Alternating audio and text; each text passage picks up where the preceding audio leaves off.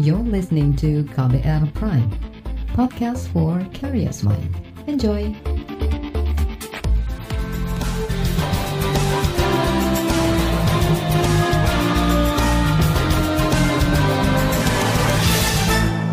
Halo, selamat sore saudara. Apa kabar Anda sore hari ini? Kembali, KBR Sore siap untuk menjadi teman Anda selama kurang lebih 30 menit ke depan. Dan sore ini saya mau ajak Anda untuk membahas usulan penundaan pemilihan umum atau pemilu 2024 yang masih jadi perbincangan di tengah masyarakat. Usulan penundaan itu sebelumnya disampaikan Ketua Umum Partai Kebangkitan Bangsa Muhaimin Iskandar. Salah satu alasannya ekonomi. Usulan ini mendapat dukungan Partai Amanat Nasional dan juga Partai Golkar. Pro dan kontra terjadi menyikapi usulan itu. Yang menolak ditengarai lebih banyak. Hasil survei dari Lembaga Survei Indonesia atau LSI menyebut sekitar 68 hingga 71 persen responden menginginkan pelaksanaan pemilu 2024 tetap dilaksanakan sesuai konstitusi. Salah satu alasannya adalah akan terjadi kemunduran demokrasi jika pemilu ditunda. Lantas, bagaimana sikap Presiden Joko Widodo merespon usulan tersebut? Apakah Presiden Jokowi mau menolak penundaan pemilu dan mendengarkan suara rakyat? Bersama saya Reski Mesanto kita bahas selengkapnya di KBR sore. Saudara, politik Indonesia tengah diramaikan dengan usulan penundaan pemilihan umum atau pemilu 2024. Tiga pimpinan partai, Muhaimin Iskandar dari PKB, Zulkifli Hasan dari PAN, dan Erlangga Tarto dari Golkar adalah sejumlah pihak yang menggaungkan wacana penundaan pemilu itu. Menurut ketiga petinggi partai tersebut, gagasan penundaan pemilu berangkat dari hasil beberapa lembaga survei yang menunjukkan adanya kepuasan publik yang masih tinggi terhadap kepemimpinan Presiden Joko Widodo. Namun sejumlah partai tak sepakat dengan usulan tersebut, yakni PDI Perjuangan, Partai Keadilan Sejahtera, Gerindra, hingga Partai Persatuan Pembangunan. Selain kalangan partai, mayoritas masyarakat juga menolak penundaan pemilu. Menanggapi polemik tersebut, staf khusus Menteri Sekretaris Negara Valdo Maldini menyatakan, Wacana penundaan pemilu di 2024 tidak menjadi prioritas pemerintah. Bahkan kami juga bisa bilang isu penundaan ini tidak menjadi prioritas sampai saat ini. Dan gitu. yang, yang kami kami harap jangan diseret-seret gitu. Kemarin Bapak Presiden bicara soal talenta digital, hati-hati akan ada kenaikan harga dan sebagainya dan sebagainya. Dalam pidato-pidato Presiden dalam Mahkamah Konstitusi kemarin menyampaikan banyak hal tentang transformasi besar, ada IKN yang sedang diurus gitu. Justru dalam derajat tertentu kami ingin menyampaikan apa yang disampaikan Prof. Ardi tadi gitu tentang bagaimana mengelola negara kita, mencapai kepuasan publik, itulah prioritas kita sekarang. Ya tercapture di survei terakhir. Mudah-mudahan ya terima kasih untuk semua masyarakat yang telah percaya tentunya. Ya. Mudah-mudahan ini terus bisa berjalan seperti ini. Jadi sekali lagi terkait imajinasi-imajinasi tadi, kami hanya menganggap gosip politik biasa saja. Ya, hasil survei selalu kami jadikan kaca untuk menjawab tantangan dan mewujudkan kepuasan. Angka naik dan angka turun pasti ada. Saya kira yang harus kita lakukan adalah terus bekerja dan memperbaiki diri. Kalau melihat angkanya, dukungan masih besar. Kepercayaan itu harus dijaga dari hari ke hari. Namun, dilihat angkanya, mayoritas masih menganggap tidak buruk dari setiap bidang. Tergantung mau dari sebelah mana melihatnya. Yang jelas, ujung dari sebuah kebijakan adalah dukungan publik, meskipun tidak akan memuaskan semua orang. Kami ucapkan terima kasih banyak bagi yang sudah memberikan respon dan lembaga survei yang melakukan penelitian. Kami yakin penegakan hukum di Indonesia akan semakin baik, semakin transparan, dan berkeadilan. Kita bersama-sama perlu terus mengawal proses perbaikan dari seluruh tatanan kelembagaan kita. Saudara, itu tadi staf khusus Menteri Sekretaris Negara Valdo Maldini. Sebelumnya, wacana penundaan pemilu 2024 juga pernah digaungkan Menteri Investasi Bahlil Lahadalia. Saat itu ia beralasan pengusaha yang menginginkan agar pemilu 2024 ditunda karena persoalan pemulihan ekonomi dan penanganan pandemi COVID-19. Berikut pernyataannya. Kalau kita mengecek di dunia usaha, rata-rata mereka memang berpikir adalah bagaimana proses demokrasi ini dalam konteks peralihan kepemimpinan kalau memang ada ruang untuk dipertimbangkan di, di, dilakukan proses untuk dimundurkan itu jauh lebih baik. Ini hasil diskusi dengan mereka. Kenapa? Karena mereka ini baru selesai babak belur dengan persoalan kesehatan. Ini dunia usaha baru mulai. Baru mulai tiba-tiba mau ditimpa lagi dengan persoalan politik. Memajukan pemilu atau menundurkan pemilu dalam sejarah bangsa itu bukan sesuatu yang diharamkan juga. Kenapa? Karena tahun 97 kita pemilu harusnya kan 2002. Kita baru pemilu kalau lima tahun sekali. Tapi kemudian kita majukan karena ada persoalan krisis waktu itu ya, reformasi. Di Orde Lama juga begitu, sekian sekian lama kita tidak melakukan uh, pemilu gitu. Nah, tinggal kita lihat adalah kebutuhan bangsa kita ini apa. Saudara, itu tadi Menteri Investasi Bahlil Lahadalia. Dalam beberapa survei disebutkan tingkat kepuasan publik terhadap kinerja pemerintah Joko Widodo Maruf Amin meningkat. Seperti survei yang dilakukan Litbang Kompas pada akhir Januari menyebutkan, tingkat kepuasan publik terhadap kinerja pemerintahan Jokowi Maruf Amin mencapai 73,9 persen. Kemudian, survei indikator politik Indonesia yang dirilis Desember tahun lalu menyebutkan 71 persen masyarakat puas, sementara 25 persennya menjawab tidak puas. Namun ada sejumlah pihak yang mempertanyakan hasil survei tersebut dengan realitas yang terjadi sesungguhnya. Baiklah kita break sejenak dan setelah break akan saya hadirkan laporan khas KBR mengenai daur ulang wacana jabatan Presiden 3 periode. Informasi selengkapnya sesaat lagi. Tetaplah di KBR sore. You're listening to KBR Pride, podcast for curious mind. Enjoy!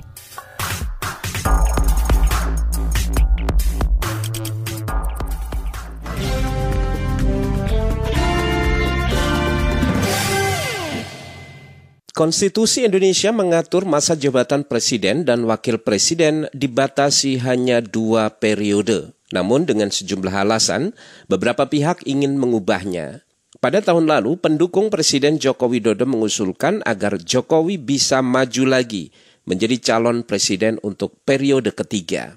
Relawan Jokowi Prabowo 2024, Muhammad Kodari mengatakan, dengan mengusung Jokowi dan Prabowo pada pemilu mendatang, bisa mengurangi ongkos politik dan menghindari benturan warga.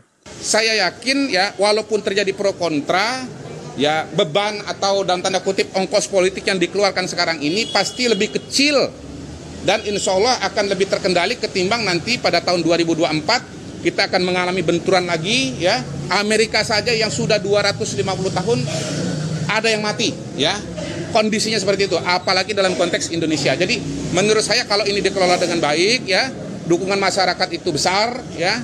Dan itu yang antara yang dikampanyekan oleh Jokpro 204 ya maka kemudian dukungan itu akan meningkat dan insya Allah akan lancar.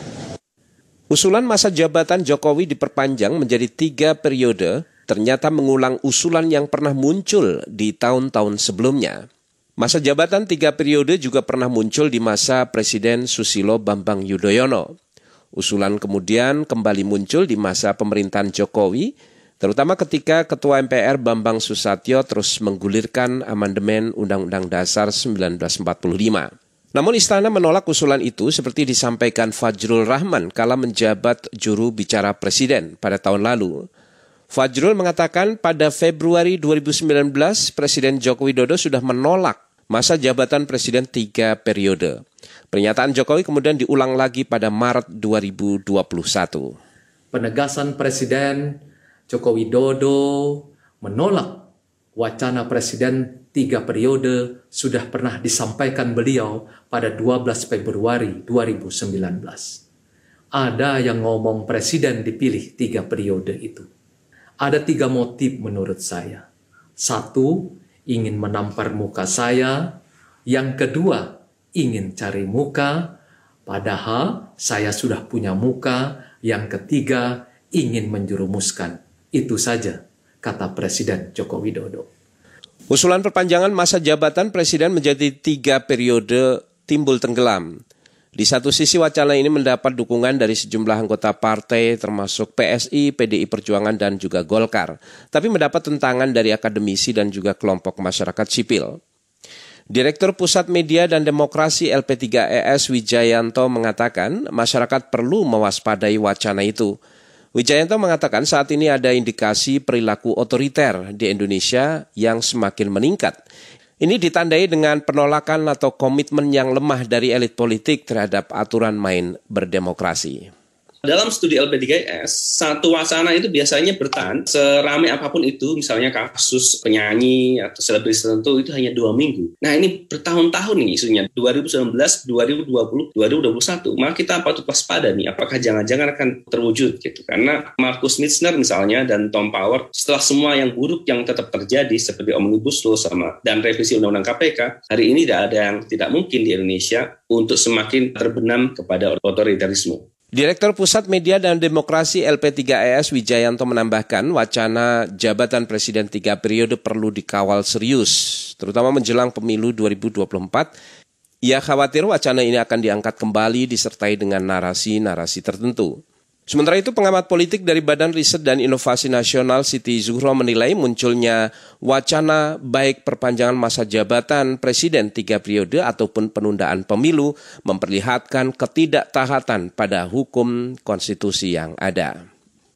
Seandainya penegakan hukum kita itu firm, betul-betul mantap, negara seperti Australia, tidak jauh-jauh negara seperti Singapura, itu toat kepada hukum jadi kalau sudah hukum mengatakan itu, jangan ada yang di tengah jalan itu ngotak-ngatik kan gitu. Nah di Indonesia seolah-olah bim salah bim, statement seolah-olah somewhere in between. Ya ini kan berubah, jadi uh, apa wajar saja kalau lalu nanti diubah dan sebagainya. Kita sebagai intelektual tidak pada tempatnya mengatakan itu. Demikian laporan khas KBR saya Agus Lukman. You're listening to KBR Pride, podcast for curious mind. Enjoy!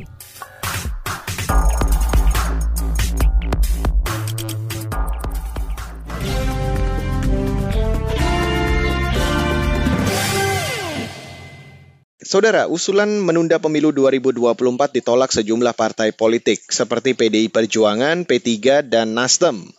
Sekretaris Jenderal Partai Demokrasi Indonesia Perjuangan atau PDIP, Hasto Kristianto menegaskan, PDIP menolak wacana penundaan pemilu 2024 maupun perpanjangan masa jabatan Presiden Joko Widodo. Kata Hasto, tak ada ruang bagi penundaan pemilu dan PDIP juga bakal patuh terhadap konstitusi dengan tetap menjalankan pemilu lima tahunan. Sikap PDIP ini juga sejalan dengan sikap Presiden Joko Widodo. Berikut penjelasannya. Ketika kami menyampaikan sikapnya, PD Perjuangan menegaskan bahwa apa yang disampaikan oleh PD Perjuangan ini senafas dengan presiden. Karena presiden pernah menyatakan sebagai pemimpin negara, kalau ada yang mengusulkan perpanjangan, yang mengusulkan jabatan tiga periode, itu menampar muka saya, ingin cari muka saya, itu justru menjerumuskan saya. Itu kan kata presiden. Dan maka sejak awal ketika kami menyampaikan sikap, kami tegaskan bahwa sikap PD Perjuangan ini senafas dengan sikap uh, Presiden uh, Jokowi. Karena di dalam kultur kepemimpinan kita, seorang pemimpin itu kan uh, uh, diukur juga dari konsistensi dalam uh, sikapnya. Saudara itu tadi Sekjen PDI Perjuangan Hasto Kristianto. Sementara itu, Sekretaris Fraksi Nasdem di DPR RI, San Mustafa, menyatakan Nasdem menolak usulan penundaan pemilu. San mengklaim Nasdem akan menaati konstitusi. Selain itu, ia meminta hasil survei masyarakat puas terhadap kinerja Presiden Jokowi tidak dijadikan alasan untuk melanjutkan wacana perpanjangan masa jabatan presiden. Ia juga meminta polemik perpanjangan masa jabatan presiden dihentikan karena jadwal pemilu 2024 sudah ditetapkan. Berikut pernyataannya. Jadi dari sisi kepuasan tentu kita apresiasi dan kita bangga sebagai pendukung. Tapi di sisi lain ini jangan dimanipulasi seakan-akan kepuasan berbanding lurus dengan kehendak yang puas itu ingin penundaan. Ini juga catatan. Jadi supaya tidak ada istilahnya ya pembelokan terkait dengan soal ke tingkat kepuasan ini. Saudara, itu tadi Sekretaris Fraksi Nasdem di DPR RI, San Mustafa. Menurut Sekretaris Jenderal Partai Persatuan Pembangunan atau P3, Arwani Tomavi, Wacana menunda pemilu 2024 sengaja dimunculkan untuk menguji reaksi masyarakat atas ide tersebut. Namun kata dia, P3 memilih tetap mengikuti amanat konstitusi. Oleh karena itu kalau ditanya tadi Mbak Nana, P3 seperti apa ya? P3 akan tentu uh, memilih ya kita menjalankan amanat uh, konstitusi. P3 akan memilih mengawal amanat reformasi untuk uh, spirit reformasi itu harus kita ya, tuntaskan gitu. Dan kalau kita lihat eh, penundaan atau ide penundaan pemilu ini juga datangnya eh, tiba-tiba. Saudara, itu tadi Sekjen P3 Arwani Tomafi.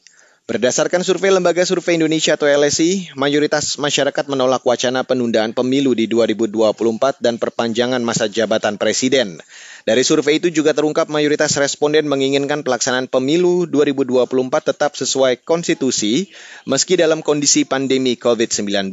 Berikut pernyataan Direktur Eksekutif LSI, Jaya Dihanan. Kami juga menanyakan ada dua pendapat yang bertentangan kan. Pandemi COVID-19 dan pemulihan ekonomi harus menjadi prioritas walaupun atau meskipun pemilu harus ditunda atau pemilu 2024 harus tetap dilaksanakan meskipun dalam kondisi pandemi. Mana yang lebih disetujui oleh masyarakat? Lagi-lagi mayoritas menyatakan mereka lebih setuju pemilu tetap dilaksanakan walaupun dalam kondisi pandemi. Secara keseluruhan 64 persen masyarakat menyatakan tetap harus dilakukan pergantian kepemimpinan nasional melalui pemilu walaupun kondisi kita masih pandemi di antara yang tahu eh, dengan isu usulan penundaan itu tingkat penolakan juga lebih tinggi. Jadi sekali lagi kalau isu ini makin diekspos ke publik, maka tingkat penolakan terhadap penundaan pemilu dengan alasan pemulihan ekonomi dan COVID itu akan makin tinggi tingkat penolakannya pandemi COVID-19 dan pemulihan ekonomi menjadi prioritas walaupun harus ditunda pemilu atau pemilu tetap dilaksanakan 2024. Sama kalau kita lihat dari segi tingkat kepuasan kepada kinerja presiden. Yang puas kepada kinerja presiden, 57 persen menyatakan tetap harus dilakukan pergantian kepemimpinan nasional sekalipun kondisi pandemi masih ada. Ya, di kalangan yang tidak puas terhadap kinerja presiden memang hampir semuanya 82 persen menyatakan kepemimpinan nasional harus dilaksanakan pada 2024. Survei LSI melibatkan melibatkan lebih dari 1.100-an responden di seluruh Indonesia dengan toleransi kesalahan 2,89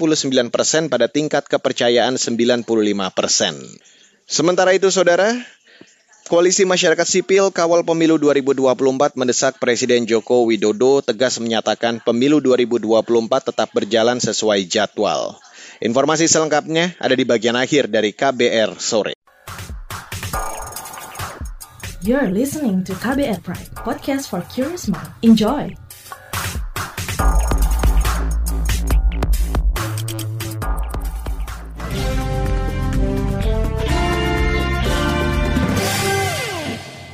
Saudara, Koalisi Masyarakat Sipil Kawal Pemilu 2024 tegas menolak usulan penundaan pemilu 2024 dan perpanjangan masa jabatan presiden. Koalisi menyebut penundaan pemilu bakal melanggar amanat konstitusi dan proses demokrasi di tanah air. Apalagi alasan penundaan yang disampaikan pengusul penundaan pemilu ini juga tak relevan. Koalisi juga mendesak Presiden Joko Widodo tegas menyatakan pemilu 2024 bakal tetap berjalan sesuai jadwal. Dan selengkapnya saya ajak Anda untuk langsung mendengarkan wawancara jurnalis KBR Astri Septiani dengan anggota Koalisi Masyarakat Sipil Kawal Pemilu 2024 sekaligus Direktur Eksekutif Perkumpulan untuk Pemilu dan Demokrasi atau Perludem. Nisa Nur Agustiati. Mbak terkait adanya usulan penundaan pemilu 2024 ini kan sejak awal teman-teman koalisi sudah menolaknya begitu. Apa sih Mbak yang menjadi alasan teman-teman koalisi menolak penundaan pemilu 2024? Ya, uh, pertama uh, penundaan pemilu itu um, kalau menurut kami alasannya tidak tidak ada alasan yang apa ya argumentasi yang relevan ya untuk menunda pemilu.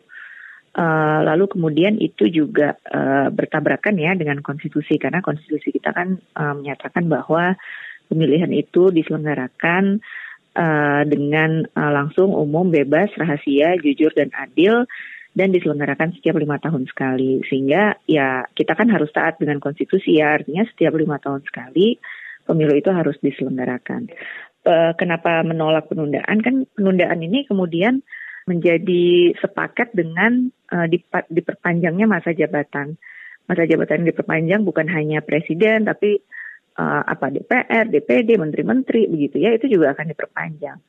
Nah ini juga tidak tidak sejalan dengan semangat reformasi. Saat reformasi waktu itu kan kita ada upaya untuk membatasi masa jabatan karena kita punya pengalaman kekuasaan yang tidak dibatasi itu uh, dampaknya adalah kesewenang-wenangan maka masa jabatan harus uh, diperpanjang. Makanya dilakukan pemilu setiap lima tahun sekali. Uh, masa jabatan itu lima tahun dan hanya bisa diperpanjang satu periode saja supaya uh, ada regenerasi kepemimpinan. Kita sebagai pemilih juga punya mekanisme reward dan punishment ya. Kalau kita suka dengan performa pemerintahan, kita pilih lagi. Kalau sebaliknya tidak suka, ya kita tidak pilih lagi sebagai bentuk uh, punishment dari masyarakat. Jadi uh, kalau kita apa ya, kalau kita uh, mau merawat demokrasi, saya rasa ya seharusnya tidak uh, tidak ada uh, upaya ya atau bentuk-bentuk uh, apa perilaku yang justru uh, apa melanggengkan kekuasaan yang bertolak belakang dengan semangat demokrasi. Mbak ini kan katanya alasan diusulkannya penundaan pemilu karena ekonomi akibat pandemi begitu ya. Bagaimana pendapat Mbak Nisa? Apakah kemudian alasan ini bisa digunakan gitu untuk secara aturan menunda pemilu? Nah tadi terkait dengan alasan uh, alasannya apa gitu ya pemilu kemudian harus ditunda. Kalau alasannya adalah alasan pandemi, saya rasa sudah uh, apa ya tidak relevan. Kita kan masih ingat ketika pilkada 2020 yang lalu itu tetap diselenggarakan di uh, masa pandemi. Padahal waktu itu uh, apa pandemi lagi tinggi tingginya, lalu kita bahkan belum punya instrumen pilkada yang adaptif dengan pandemi. Jaraknya juga terlalu dekat ya. Waktu itu kan pil, apa uh, pandemi masuk ke Indonesia tuh bulan Maret uh, pilkadanya di uh, bulan Desember ya, awalnya September lalu ditunda ke Desember. Pada saat itu saja uh, pemerintah apa ya rasanya bersikukuh untuk menyelenggarakan pandemi gitu ya di di saat uh, lagi naik-naiknya lagi awal-awalnya pandemi. Nah di 2024 nanti kan kita punya waktu sebetulnya katakanlah dari 2020 ke 2024 itu waktunya kan cukup panjang ya untuk mempersiapkan pemilu di masa pandemi gitu ya. Kita bisa siapkan instrumennya dari sekarang. Apa saja yang harus uh, dimitigasi misalnya, uh, persiapannya apa saja itu disiapkan dari sekarang. Apalagi tahapan pemilu kan dimulainya 20 bulan sebelum hari H. Artinya tahapan pemilu mulainya di tahun ini. Jadi kita bukan uh, apa ya, kita kita punya waktunya gitu ya, waktunya cukup untuk mempersiapkan itu semua. Mbak, kalau dari pemerintah kan saat ini belum ada jawabannya tegas begitu ya mengenai isu penundaan pemilu ini yang semakin berkembang. Bagaimana pendapat Anda? Apa yang harusnya dilakukan oleh pemerintah begitu menyikapi hal ini? Ya, uh, pertama pemerintah tentu harus tegas ya, khususnya presiden ya. Uh, diharapkan presiden bisa tegas menyatakan uh, apa pemilu sesuai dengan jadwalnya. Apalagi pemerintah, kalau pemerintah dan DPR uh, apa ya konsisten, kan sebetulnya hari H uh, pemilu itu kan tanggalnya sudah ditetapkan ya, 14 Februari 2024 uh, jadwalnya sudah ditetapkan dan yang menetapkan itu bukan KPU sepihak tapi itu ditetapkan uh, kesepakatan bersama antara KPU, pemerintah dan DPR. Artinya pemerintah ada di dalam situ, DPR pun juga ada di dalam situ ketika menyepakati hari dan tanggal uh, pemungutan suara. Jadi kalau konsisten seharusnya ya uh, ya sesuai dengan jadwalnya, jadwal yang sudah ditetapkan bersama. Jadi ketegasan itu lalu juga bentuk konsistensi uh, pemerintah juga saya rasa masyarakat menunggu itu ya tidak tidak kemudian di, didiamkan saja atau dibiarkan saja begitu ya karena salah satu prinsip penyelenggara pemilu itu kan ada kepastian di situ ada kepastian hukum di situ. Nah kalau sekarang kan jadinya uh, menjadi apa ya bertanya-tanya gitu ya menimbulkan ketidakpastian apakah jadi atau tidak jadi polemik dari penyelenggaraan pemilu kita. Padahal pemilu itu dimulainya 20 bulan sebelum hari H, artinya jatuhnya di bulan Juni tahun ini. Kan sudah sebentar lagi. Ya harus dipastikan uh, start akan start di bulan Juni nanti tahapan pemilu akan segera dimulai gitu ya anggarannya disiapkan, uh, lalu apa infrastruktur-infrastruktur uh, untuk mendukung tahapan pemilunya juga harus disiapkan. Nah itu yang sebetulnya sekarang ditunggu ya, uh, melihat kepastian ya pemerintah pun memberikan kepastian terkait uh, jalannya tahapan penyelenggaraan pemilu itu. Saudara itu tadi anggota Koalisi Masyarakat Sipil Kawal Pemilu 2024 sekaligus Direktur Eksekutif Verludem Horunusa Nur Agustiati. Ini sekaligus menutup KBR sore untuk hari ini 4 Maret 2022. Terima kasih untuk Anda yang sudah bergabung sore hari ini. Selamat kembali menjalankan aktivitas Anda dan ingat selalu patuhi protokol kesehatan di mana pun Anda berada. Selamat berakhir pekan. Saya Reski Mesanto undur diri. Salam.